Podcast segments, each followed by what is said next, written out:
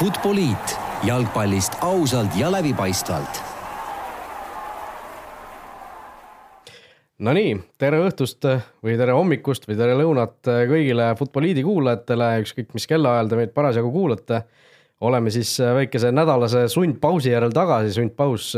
tulenes siis sellest, et, et minul endal kahetsusväärsel kombel eelmine nädal segas selline haiguse vimm oli, oli hääl täiesti ära, nii et ei saanud ei rääkida, ei kommenteerida mänge, nii et äh, tõesti ei saanud, ei saanud siis äh, neid meistrite liiga veerandfinaalide avakohtumisi kohe kokku võtta, aga aga tänaseks on, on häälega natukene parem seis ja saab juba saadet teha, nii et meie siin, mina, Raul Ojasäär ja laua taga Joel Hindermitte taas oleme, oleme siin Delfi ajutises väikeses stuudios, et, et natuke jalgpallijuttu rääkida, no Joel Äh, tervitused sulle kõigepealt ja noh, kuna mina kommenteerida ei saanud, siis eelmine neljapäev tegid, tegid debüüdi soolokommentaatorina, räägi võib-olla alustuseks, äh, kuidas see läks? tere, tere, äh, no eks, eks ta omamoodi huvitav oli, kui oled, oled harjunud ikka niimoodi, et baarimees on kõrval ja, ja saad sellist vestlust kahe inimese vahel arutada, siis oli, oli päris kummaline. aga ma arvan, et mäng oli päris hea ja, ja sai täitsa enam-vähem viisakalt seal ära tehtud no just äh, siis Euroopa liigast räägime, aga meie siin täna hakkame rääkima meistrite liigast, sest väga-väga-väga tulised veerandfinaalid kohtumised on, on jäänud selja taha, noh, kaks paari olid väga tulised, kaks paari võib-olla mitte nii väga tulised, aga aga neid jututeemasid ja jutupunkte on äh, küll ja veel. Äh, mina võib-olla alustuseks võtaks sellise natukene üldisema teema või üldisema küsimuse, mis minul tekkis siin veerandfinaale jälgides, veerandfinaale vaadates. ja, ja on see siis selline, et et huvitav, miks ei noh, kui UEFA juba sel, sel aastal või sel hooajal tegi selle muudatuse, et osad alagrupi mängud algavad meil varem äh, või oli see juba eelmine hooaeg? no pigem, pigem see hooaeg, kui õigesti mäletan. jah, suurt vahet pole, jah, ikka sel hooajal jah, et, et see nagu oleks ju võinud olla niimoodi, et et need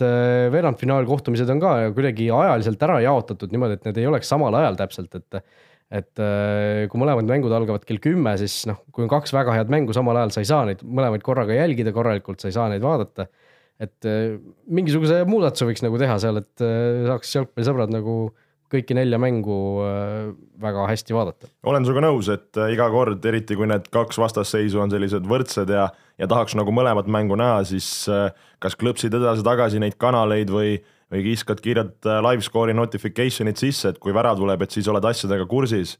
et, et tõepoolest see oleks mõttekoht, ma arvan ka, mida, mida UEFA saaks, saaks mõelda, kindlasti siin hakkavad rolli mängima need äh, nii-öelda prime time'i kellaajad ja, ja kogu see muu marketing ja turundus ja see meed-, meedia pool, mis, mis võib-olla isegi lõppkokkuvõttes kontrollib ise seda asja. aga tõepoolest on selleks, kas ma ei tea, tunnine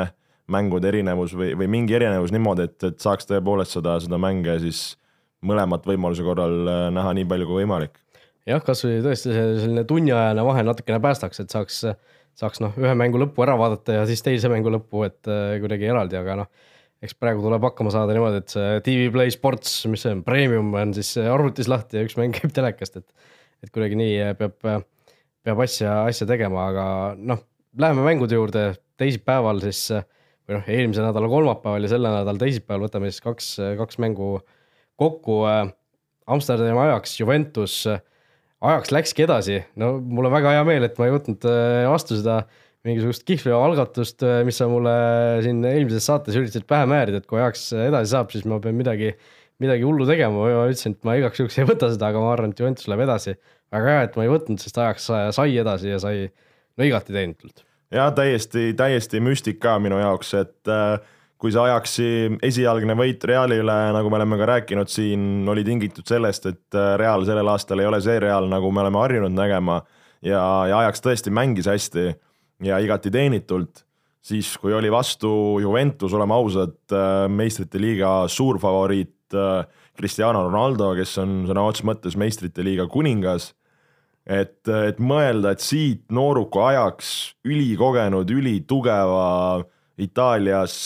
täisgaasi peal võistkonna vastu läheb ka edasi kahe mängu kokkuvõttes, tundus täiesti müstika ja võimatu, aga, aga ajaks näitas täiesti vastupidist. mõlemas mängus mängiti väga-väga head jalgpalli ja, ja tõesti, mul ei mahu pähe, kuidas kuidas on võimalik, et nii-öelda nii-öelda ajaks siis võidab, võidab Juventust, et see on täiesti, täiesti minu jaoks noh, see on jalgpall, aga see on täiesti arusaamatu. nojah, siiamaani nad on siis vaid ühe mängu kaotanud sel hooajal meistrite liigas ja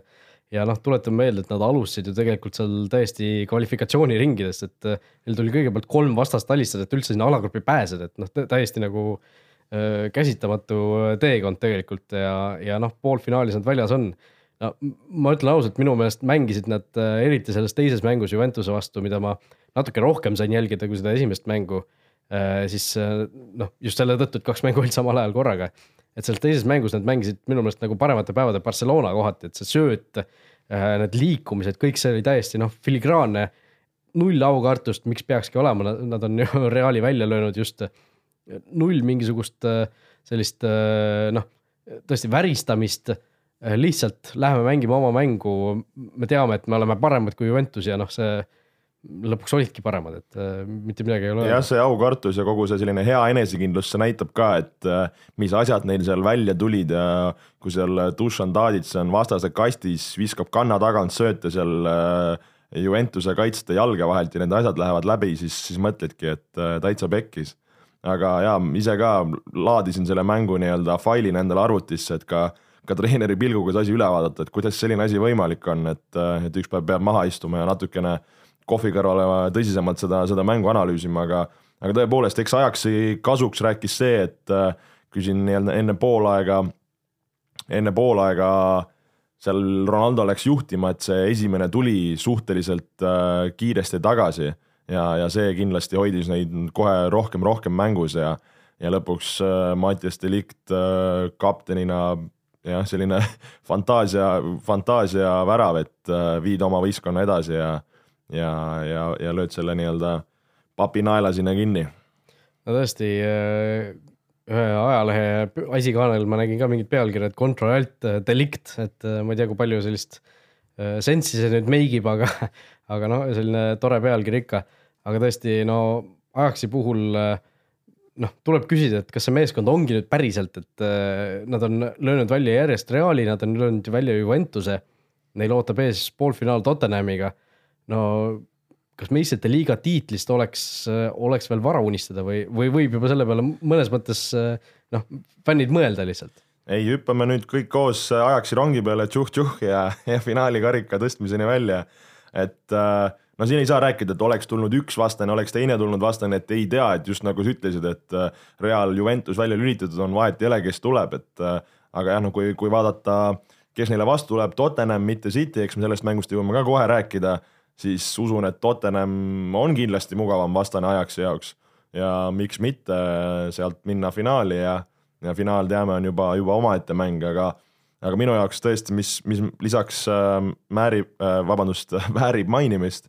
on see, et eks siin on ka meediasse palju läbi käinud, mis, mis võistkonnaga ajaks mängimas on, me oleme sellest rääkinud. kui vaadata neid vanusi ja, ja, ja, ja milline selle kooslus on, see on ikka, seal on kahekümne kolme, kahekümne kahe, üheksateist aastased ja, ja mõned siis kogenumad äh, Tadic'i näol ja, ja Daily Blindi näol, aga üle, ülejäänud meeste vanused seal Van de Beek kakskümmend kaks, okei okay,, Schöne kolmkümmend kaks on see siis see vanem, aga tõesti, kui noore võistkonnaga ja nii-öelda nagu seal oli ka, kui, kui tulevad pingilt äh, Ekelenkampid ja muud mehed, kes kes vaatavad, et on poisikesed, aga tulevad ja mängivad. et äh, tõesti müts, müts maha ja, ja ikka väga vinge, ei ole lihtsalt midagi öelda, täiesti fenomenaalne. jah, peatreener Erik ten Haag ka kindlasti no, fantastilist ja vapustavat tööd teinud. aga noh, minul on natukene Ajaxi puhul selline tunne nagu, nagu siin aeg-ajalt on olnud Dortmund, on olnud, äh, ma ei tea, kaks tuhat neli Porto viimastel aastatel, mõned aastad tagasi Monacoga, et, et noh, see on selge, et see meeskond koos ei püsi. Need äh, mängijad nopitakse sealt ükshaaval ära, mõni on siin juba nopitud, eks ju, Barcelonasse. aga noh, mul on sihuke tunne, et viie või noh, kümne aasta pärast me vaatame kuskilt Vikipeedias seda tänase ajaksi koosseisu ja mõtleme, et vot ossa kurat, et need mehed mängisid kõik, kõik koos kunagi ühes ja samas võistkonnas, et et see on, see on millegi, millegi suure sünd nii-öelda. täiesti nõus, täiesti nõus, et äh, nagu sa ütlesid ka, et mõned mehed on juba nopitud ja suure tõenäosusega sellel suvel siis nopitakse, et ei ole Ajaxil rammu, rammu neid mehi kinni hoida ja miks mitte, kui seal, ma arvan, siin Delicti puhul hakatakse suvel noh, ma arvan isegi sada, saja, saja miljoni kanti seda, seda hinnalipikut äh, välja viskama ja, ja suured klubid on seal äh, nagu, nagu jäätise järjekorras üksteise selja taga ootamas ja samamoodi siin on Ziyech, kes on mees, võiks minna, noh, Van de Beek, siin on neid häid mängijaid küll ja küll, et äh, tõesti väga huvitav näha, mis on see Ajaxi nii-öelda poliitika ja, ja mis on see suund, kuidas nad edasi lähevad. No Juventuse kohta ka natukene noh, selge altminek see kindlasti nende jaoks on veerandfinaalis pidama jäämine. Äh, no minule just jäi eriti selles teises mängus silma see, kui auklik tegelikult nende kaitse oli või kui selline noh, kohati nagu avantüristlik nägi see välja, et ajaks justkui mõne sööduga lihtsalt lõikas selle asja sealt katki. noh, okei okay,, Giorgio Kellinit ei olnud kummaski mängus. Äh, me ei tea, mis oleks saanud siis, kui ta oleks olnud, aga noh, see, see, kuidas ajaks tegelikult noh, sealsamas Juventuse kastis söötu lükkas, no see ei olnud ei olnud selline Juventus, nagu me oleme harjunud nägema kaitse poolest. jah, aga eks see Chiellini puudumine ei ole ju meil ju Gigi Buffoni seal taga, okei okay,, Wojciech Šešni on ka teinud väga hea hooaja, aga aga sellised, sellised äh, väiksed tükikesed siis sellest müürist on välja võetud, on kohe, kohe natukene tundlikum see asi, aga olen nõus, et, et tõepoolest see Juventuse selline öelda, ei saa öelda, et nagu oleks nagu laiali oldud täitsa oma, oma mänguga, aga ei olnud sihukest raudkindlust, mida me oleme näinud, et, et taga on see asjad täiesti kinni ja siis ees on neil kvaliteeti küll ja küll. et, et tõepoolest selle nii-öelda küsimärke Juventuse kohal, miks, miks nemad ei läinud siit edasi, on, on, on ikka väga palju, oleme ausad. Jah, no selle, selles samas olukorras tegelikult me nägime ju seda, kuidas ajaks oleks võinud seal teises mängus lüüa, ma ei tea, viis väravat vabalt, et neid võimalusi oli tegelikult nii palju, nad lihtsalt ise nagu äh, pidevalt mängisid üle seal. Tadic ja Ziyech mõlemad äh, justkui ei tahtnud nagu peale lüüa ise, et otsisid veel seda viimast söötu äh, võimalikult palju, et see noh, tõesti noh, see oli midagi nagu väga erilist lihtsalt kõik kokku nõus. täiesti nõus, et ma nagu ma ütlesin, et ma olen, ma olen sõnatu, et kui seal ongi Tadic ja Ziyech seal kasti ümber tantsivad selle palliga, konksutavad, äh, trikitavad, vastased lendavad, äh, tõepoolest, millise sellise jalgpallirõõmu ja, ja energiaga need mehed mängivad, see noh, see, see on puhas lust lihtsalt kõrvalt vaadata, et äh, see on sellepärast, miks, miks jalgpalli mängitakse, mitte et olla mossis, istuda kaitses ja peksta silmad kinni pikka, et, et need ongi need head äärmused just ja noh, tuletab meelde, et noh, paljud need Ajaxi mängijad on hollandlased, nad mängivad Hollandi koondises ja Hollandi koondis mängib äh, siin suvel juba Eesti vastu, nii et ega meil midagi lihtsat äh, sealt tulemus tundub, ei ole. Hollandi jalgpall selgelt äh, tõusuteel on. aga olgu, ajaks on poolfinaalis, nende juurde mingil määral tuleme veel kindlasti tagasi, aga, aga läheme siit praegu selle teise, teisipäevase äh, mängu juurde, selle nädala teisipäevase siis äh, Barcelona, Manchester United kolm-null, kahe mängu kokkuvõttes neli-null. no selge, selge klassivahe seal kindlasti oli Äh, aga noh, kas, kas Unitedil oli mingisugune võimalus sellest edasi pääseda mingil hetkel selle, selle kahe mängu kokkuvõttes? kui, siis äh, enne esimest mängu ja, ja tegelikult esimese mänguga, et äh, noh, siin kes, kes seda mängu, esimest mängu nägid ka, siis noh, ei olnud nüüd ju metsikult neid võimalusi, küll oli, aga, aga kui sa kodus ei suuda isegi väravat kirja saada ja saad ka veel ise, ise pähe siis äh, ma arvan, sinna, sinna läks juba Manchester Unitedi eda, edasipääsurong ja, ja loota, et, et sellise koosseisuga sellises hetkes minna võõrsil Camp Nou'le Barcelonaga mängima, noh, tundus, tundus juba siis jäl-, järjekordset jalgpalliimet äh, vajavat hetke mulle ka tundus, et see just selles esimeses mängus justkui United jättis nagu sellise võimaluse kasutamata, et noh, ma ei räägi mingist konkreetsest äh, olukorrast, aga, aga üldiselt, et äh, tegelikult Barcelona ei mänginud seal üldse hästi. Nad justkui äh, noh, mingi hetk võtsid käigu välja peale selle värava löömist ja lasid nagu Unitedil ka tegelikult palliga mängida seal Scott McTominay ja Fred, noh, kes ei ole siin sugugi mingisugused super maailma top, super tipuklassi mehed, domineerisid seda keskvälja ja noh, see oli, see oli suur üllatus. aga, aga sellest esimesest mängust justkui mingisugune selline lootusekiir ühtepidi jäi et äkki teises mängus suudetakse ka midagi sarnast teha, aga teisalt kui isegi sellise mänguga ei suudeta nagu väravat ees ära lüüa, siis noh, mida sa veel sellest võõrsil mängust tahad ja noh, tuligi nii-öelda see teine variant, et ja no just võib-olla kui mõelda seda esimest mängu, kus mindi, eks ju, üllatavalt kaitsvalt selle viie kaitsega ja asjad, et et võib-olla selline kinnine ja, ja kontrolli rõhuv mäng oleks nii-öelda loogiline olnud just eelkõige võõrsil, noh, seda ka oli, aga, aga eelkõige noh, ma arvan, Unitedil ei ei olnud nagu samas midagi kaotada, et võib-olla oleks võinud minna esimeses mängus natukene ründavamalt ja, ja sellise suurema enesekindlusega, et et kui sa oled kodus, sul on publik taga, sul asjad õnnestuvad, siis noh, ajaks näitlen ka, et et siis sul see mäng, mäng jookseb, et tegelikult ju liigas okei okay,, nüüd natuke lõpus, lõpupoole on siin see vorm langenud, aga aga noh, mindi, mindi sellist kindlamat teed, mis, mis lõpuks ära ei tasunud no Ashley Youngist on ka palju juttu olnud, Young kahe, kahes mängus siis oli noh, kaitses tegi enam-vähem oma ära peale selle ühe olukorra, kus Messi siis tema sellise eksimuse järel värava lõi. aga noh, kui, kui Messi vastu teed eksimuse, siis sealt üldiselt kohe sind ära karistatakse, aga noh, need senderdused ja kõik need olid ikka eh, täiesti allapoole arvestust. ja Ashley Youngi see mänguvorm on juba, juba viimasel ajal tegelikult päris palju kõikunud ja ja kui sa mängid nii tähtsat mängu ja sa teed sellise lubamatu eksimuse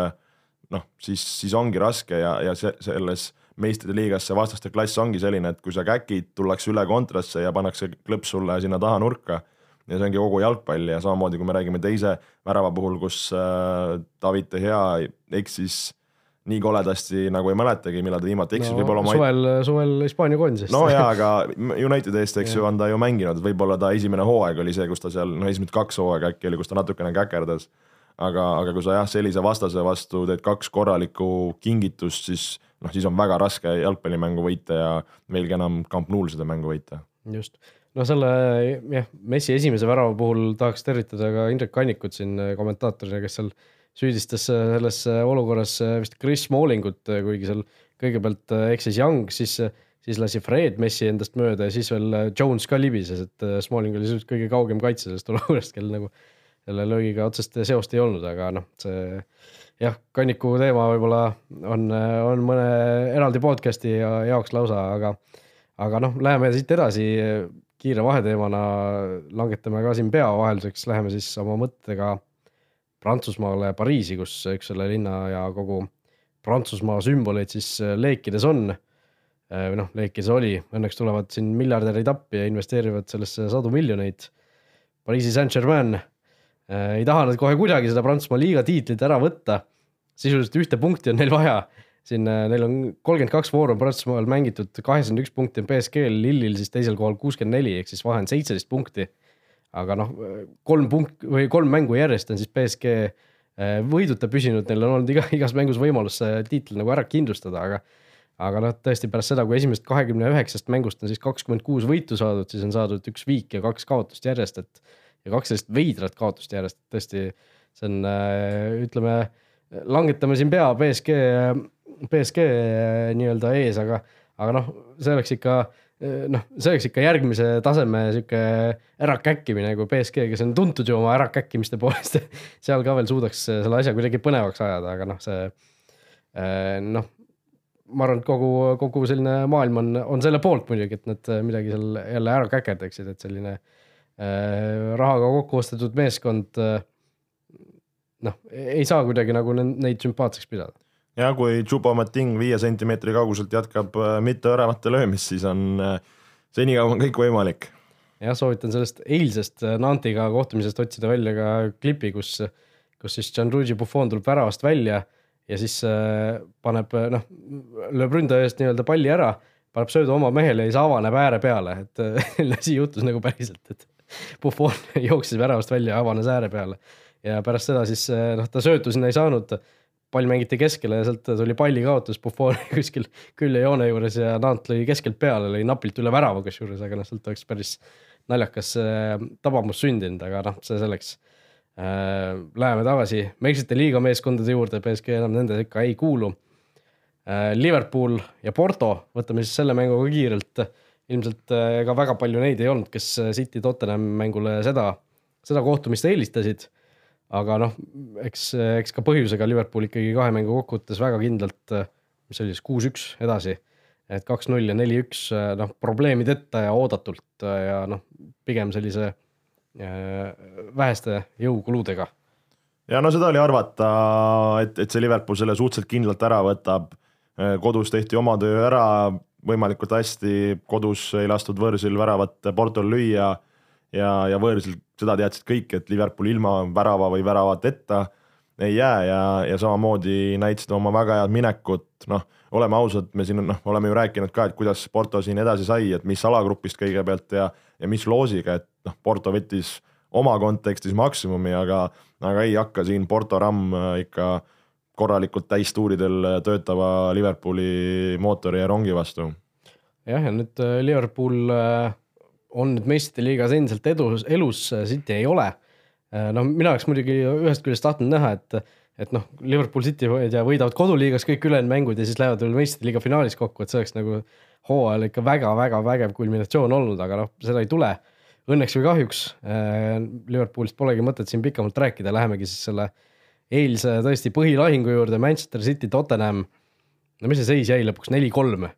ja kokku, kahe mängu kokkuvõttes neli-neli võõrsil väravatega Tottenham edasi. Äh, no tõesti, ma hakkasin, hakkasin siin mõtlema, et kas tegu oli meistrite liiga ajaloo ühe parema mänguga, sa tahtsid veel midagi vahele öelda? mul tuli praegu selle võõrsil väravaga üks asi meelde, mis mul jäi ajaks juue mängus ütlemata, et me seda võõrsil värava reeglit oleme ju siin puudutanud küll, et äh, selle Juventus ajaksi teise mängu siis äh, ajal, kui ajaks lõi selle teise värava ära, siis äh,, siis hakkas mulle väga kriipima see, et, et see võõrsil värav on mängus just selle koha pealt, et ju kui oleks Juventus siis kaks-kaks löönud,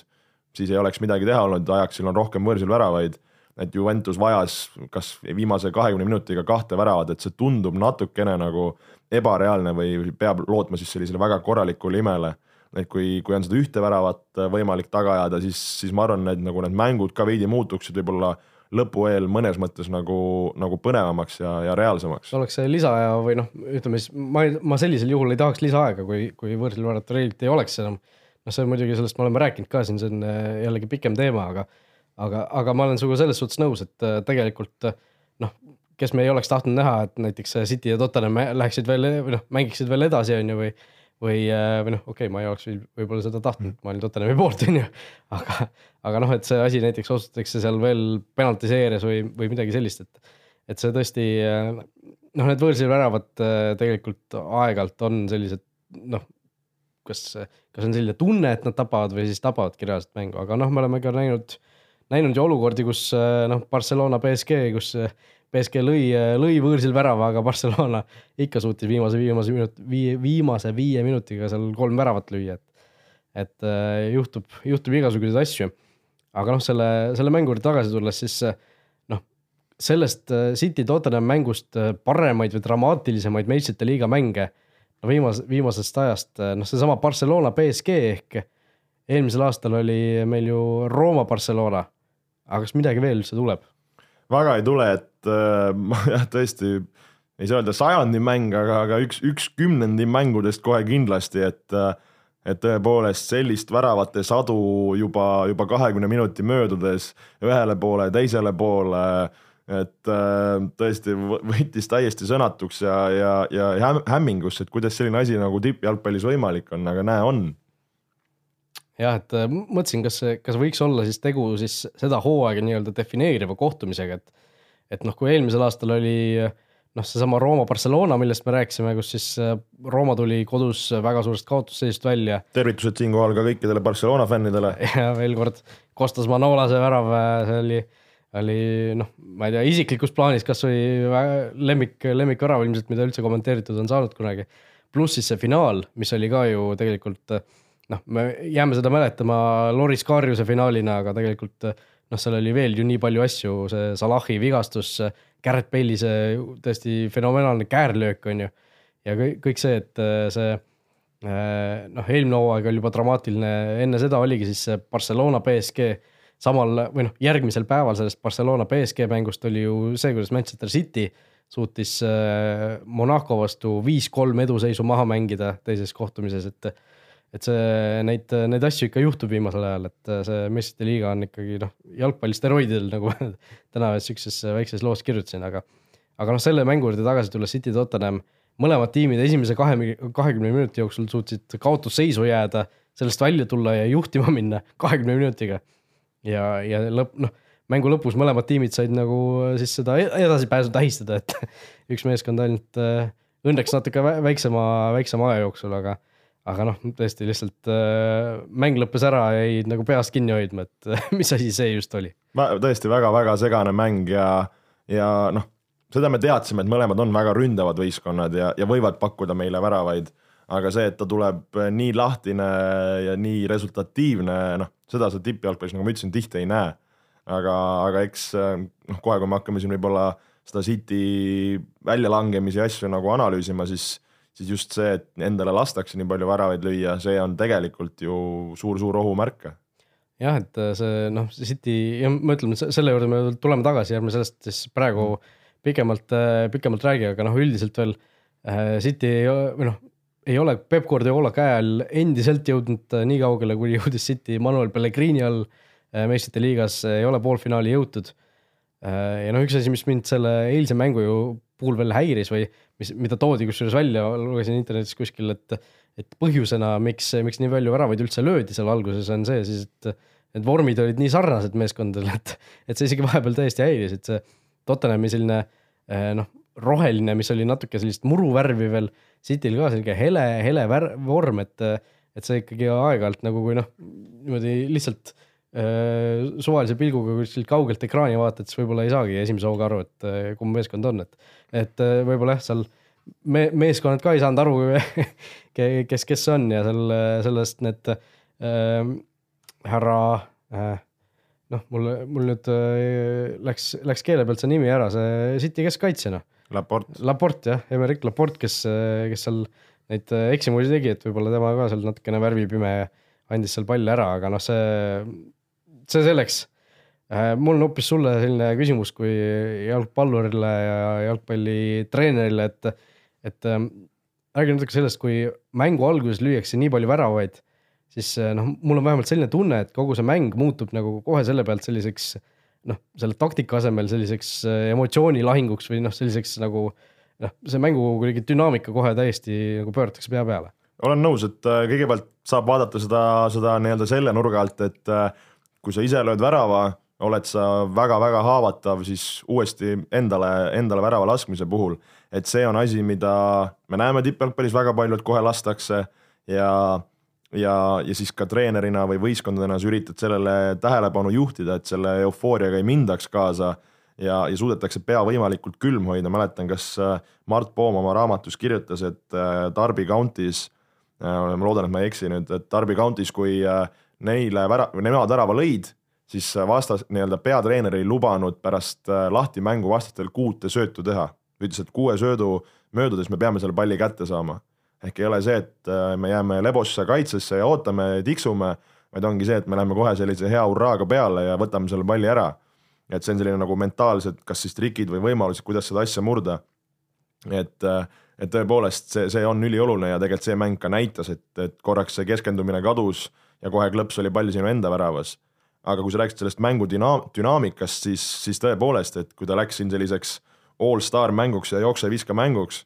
et äh, noh, siis on raske nii mängijatel kui ka treeneril, noh treener võib sul karjuda pingile, et ei rahu, rahu, poisid, ärge jookske. aga kui sul on seitsekümmend või viiskümmend tonni seal taga, kes, kes karjuvad nagu segase, et sul on endal on adrekas ja pulss üleval ja sa näed, et sul on ees äh, ruum või, või võimalus väravale lüüa, siis seda teed, et, äh, et siis on ennast väga raske äh, raske kontrollida, et selle jaoks ongi sul vaja võistkonda selliseid kogenud mängijaid nii keskväljale, keskkaitsesse äh, või kaptenit, kes siis näitab, et hei, et me võime siin küll kiiresti joosta vastase väljaku poolele, aga nüüd võtame rahulikult ja, ja kontrollime seda mängu, et tegelikult me ju tippjalgpallis näeme ka, et see nii-öelda mängutempo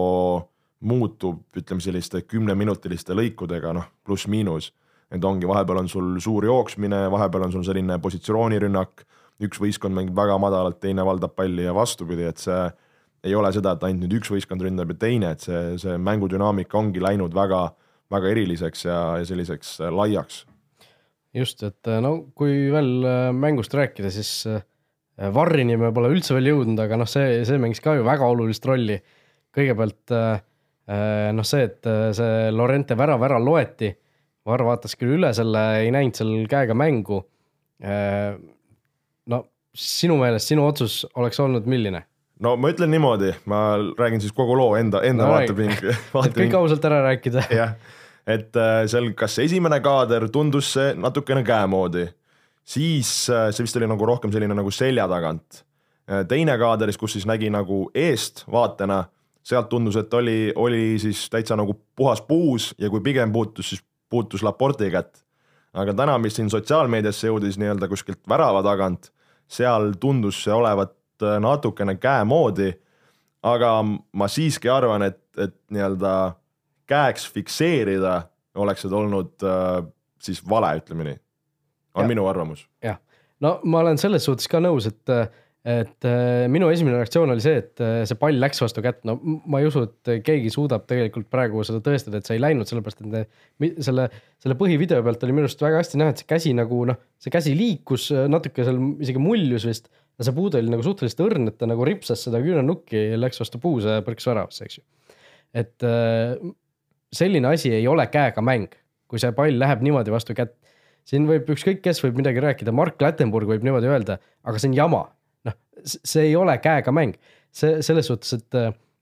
see käsi ei olnud seal kuidagi, ta ei teinud oma keha laiemaks, ta ei teinud oma keha suuremaks, ei olnud mingisugune ebaloomulik asend. see käsi oli lihtsalt tal kuidagi rinna peal siin, kui see pall äh, tuleb üle mitme pea niimoodi nii lähedalt ka veel noh. seal oli kas kompanii pea veel täpselt läks nagu nii-öelda nagu nõks eest läbi ka veel. no et, täpselt, sa, sa isegi Lorentena sa ilmselt ei oota, et see pall sinuni jõuab, noh, kui sa oleks oodanud, sa oleks pannud pea vahele ja löönud väravasse, et. Et mitte, mitte siis mingisuguse puusa peal seal lootma jäänud, et, et noh, see mingis mõttes nagu võiks lugeda sellise äh, noh, sellesama olukorraga võrdseks, kui, kui, kui sulle pall lüüakse lihtsalt väga lähe, lähe või noh, lühikese maa pealt vastu kätt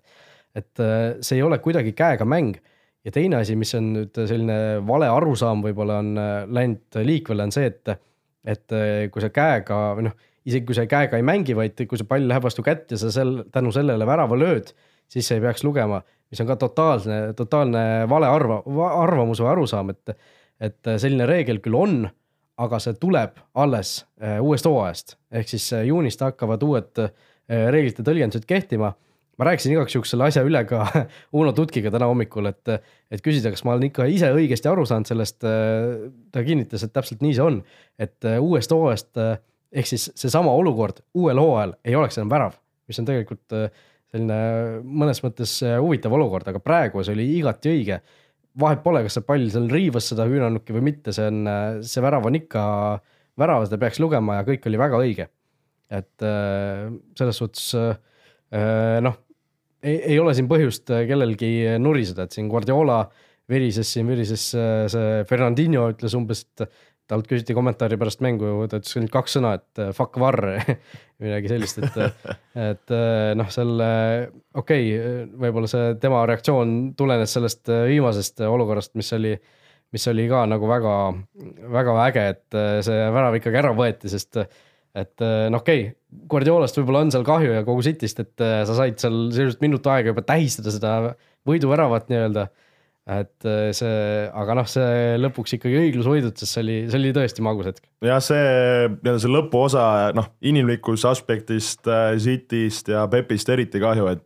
et sa ajad seda ühte väga vajalikku väravat taga, see on sul õhus, sa lööd nagu selle ära, sul küll noh ütleme niimoodi kingiti, et Erikson üldse hakkab sealt äh, eksima, et selline mängija, kellelt sa ootad seda kõige vähem, teeb sellise väga rumala tagasisöödu ja siis tal on see õnnelik puude, mis noh, õnnelik selles suhtes, et küll suluseisu lõpuks.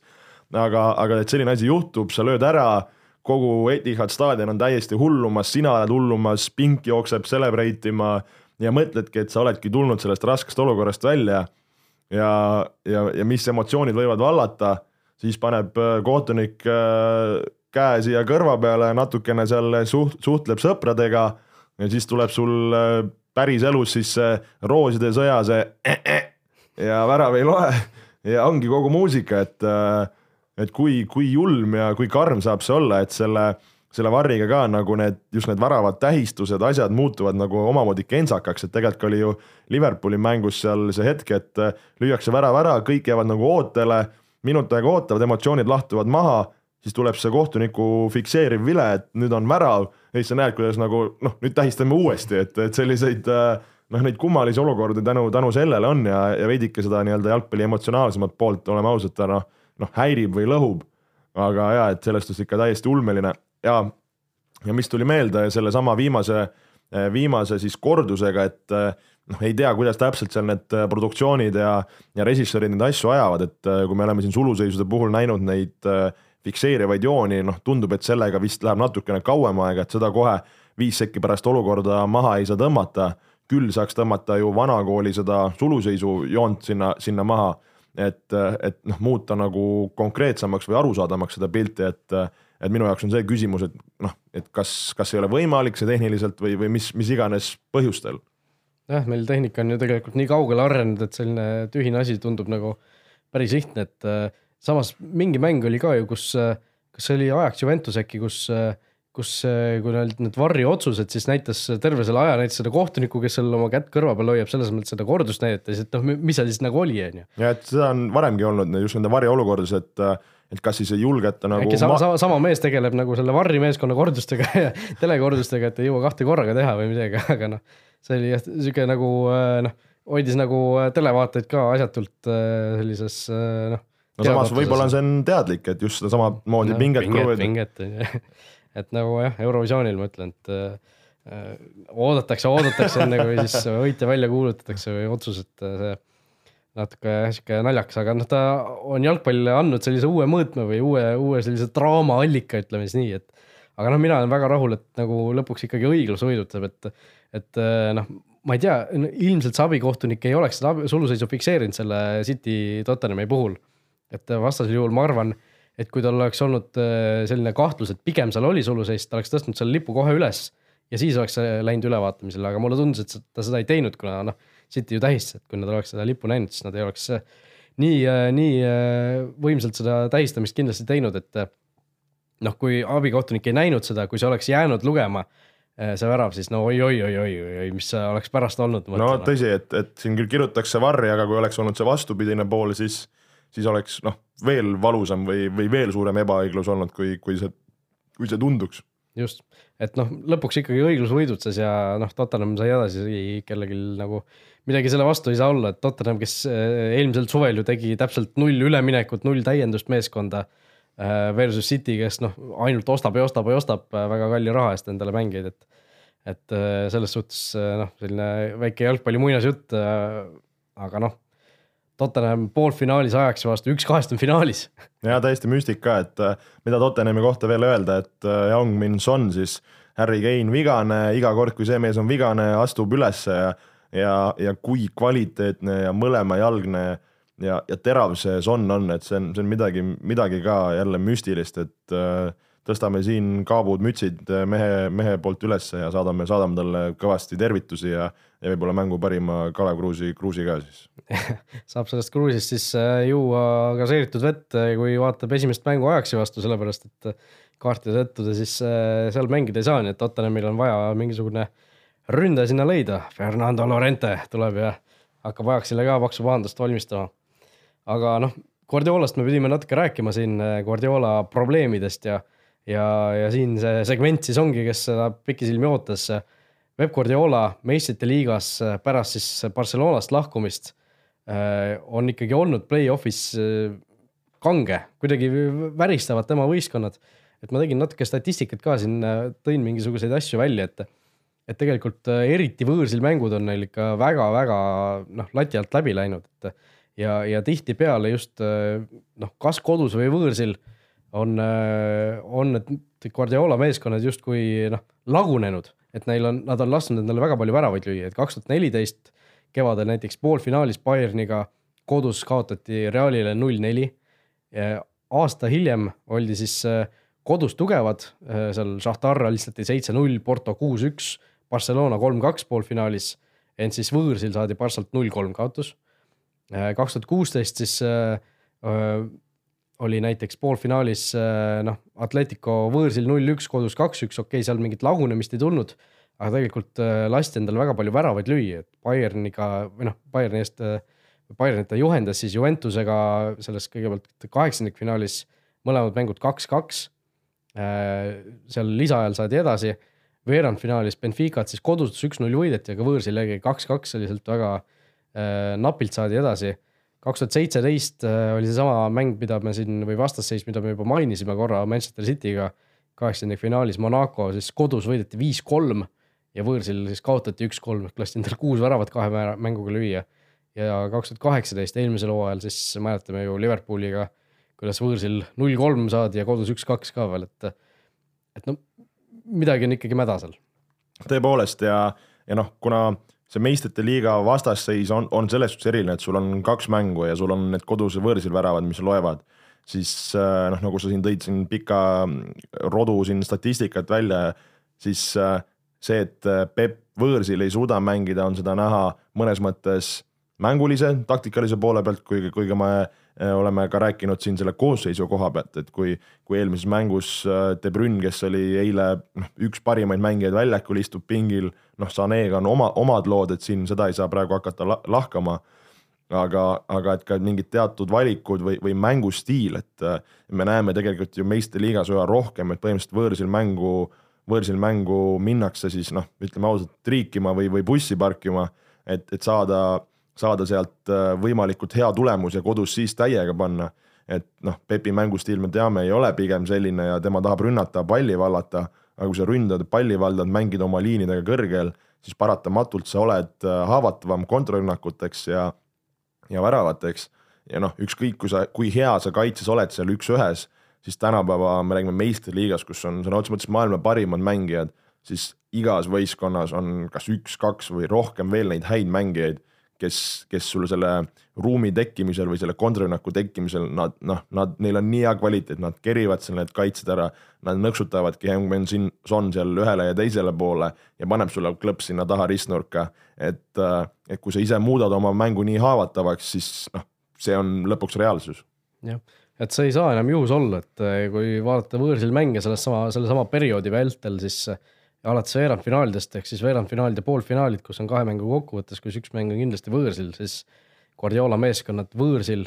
väravate vahe äh, neli, kaheksateist, et schrecklich saksa keeles hirmus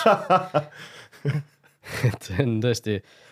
midagi, midagi noh, sellist, mille kallal tuleb tööd teha, et noh, ma, ma nagu selles suhtes äh, lihtsa, lihtsa jalgpallivaatlejana ütlen, et Guardiola, et äh, mine mängi võõrsil ka sellist mängu, nagu sa kogu aeg mängid, et sa ei, ei pea nagu üle mõtlema, et äh, kui me vaatame, kuidas ma ei tea, Premier League'i domineeritakse, siis, siis ega need Premier League'i suured mängud tihtipeale ei ole ju, ei ole ju nii palju, ma ei tea, kvaliteedi mõttes kehvemad, vahel on isegi paremad kui need meistrite liiga vastased, et see lihtsalt on mingisugune kiiks või asi, mis Guardiolal nagu ei sobi. nojah, et selles suhtes, eks see mäng ka ju tegelikult noh, teatud otsused lähevad ühele või teisele poole, noh, Liverpooli vastu tundus nagu oleks kontrolli all, järsku on sul kümne minutiga kaks tükki äh, lastakse ära, et, et nagu mõnes mõttes tunduks, et nagu mingid teatud asjad juhtuvad ka Pepiga, aga noh, nad juhtuvad põhjusega. aga, aga tõepoolest äh, Pepp ei ole ju suutnud pärast Barssat, tuletame meelde, meistriliiga karikat ikka veel oma pühakohale tõsta ja, ja, ja see teda närib, kindlasti närib see Manchester Cityt. Et, äh, et see on, see on olnud ikka juba tükk, tükk aastaid ja, ja, ja, ja noh, mõnes mõttes ei saa öelda, et tema seda, kuidas siis äh, eesti keeles öelda on, tema sellist äh, mainet või, või seda aurat nagu äh, hakkaks nagu vähendama, aga, aga inimesed hakkavad juba vaikselt nii-öelda küsimärke tema kohale selles kontekstis nii-öelda tõstma. jah, kümme võõrsil mängu, kolm viiki, seitse kaotust alates veerandfinaalidest siis pärast Barcelonat et.... Legacy oli see sõna, mida ma soovisin eesti keelde. pärand siis ütleme jah, võib-olla ei olegi kõige paremat võib-olla tõlget äh, leiutatud selle kohta, aga tõesti, Guardiola siis äh, teeme siis lõppkokkuvõtet, äh, kiilakas petis, poolt fraud nojah, kas, kas, kas siis nii karm, karm lause, aga aga, aga tõepoolest äh, on mehel veel, veel selles kontekstis tõestada, et lisaks Barcelonale suudab ka, ka muud võistkonnad äh, meistriliiga võiduni tüürida. just, aga sel, sel aastal seda ei juhtu, järgmisel aastal siis tuleb, tuleb neil uuesti proovida. aga sel aastal siis äh, poolfinaalid tulevad, ajaks Tottenham ja Barcelona Liverpool, et kaks väga-väga magusat vastasseisu kindlasti ei ole siin ühtegi sellist mängu, kus oleks üks väga selge soosik, et et täiesti huviga ei olegi vaadanud, mis näiteks Kihlveo kontorid ütlevad ajaksid Tottenhami kohta, et et see võib, võib päris huvitav olla. jah, keda huvitab, millal need mängud toimuvad, siis äh, kolmekümnendal aprillil juba on meil ees ootamas Tottenhami ajaks ja, ja päev hiljem, esimesel mail siis Barcelona, Liverpool. Äh, esimene mäng siis Tottenham kodus, esimene mäng Barcelona kodus. nii et äh, meistrite liiga poolfinaalid, ühed kõige magusamad asjad tänapäeva jalgpallis on meid ees ootamas ja ja nagu, nagu väiksed lapsed siin hakkame nagu, nagu jõule ootama nende poolfinaalide näol. jah, üks nädal õnneks ainult äh, sellist äh, puhkust vahepeal on ja siis, siis juba jälle kaks nädalat järjest väga-väga suuri ja, ja magusaid mänge, nii et jääme nende ootele. võtame siit meie saate tänaseks kokku, aitäh, et kuulasite ja, ja kohtumiseni. olge mõnusad. Futboliit jalgpallist ausalt ja läbipaistvalt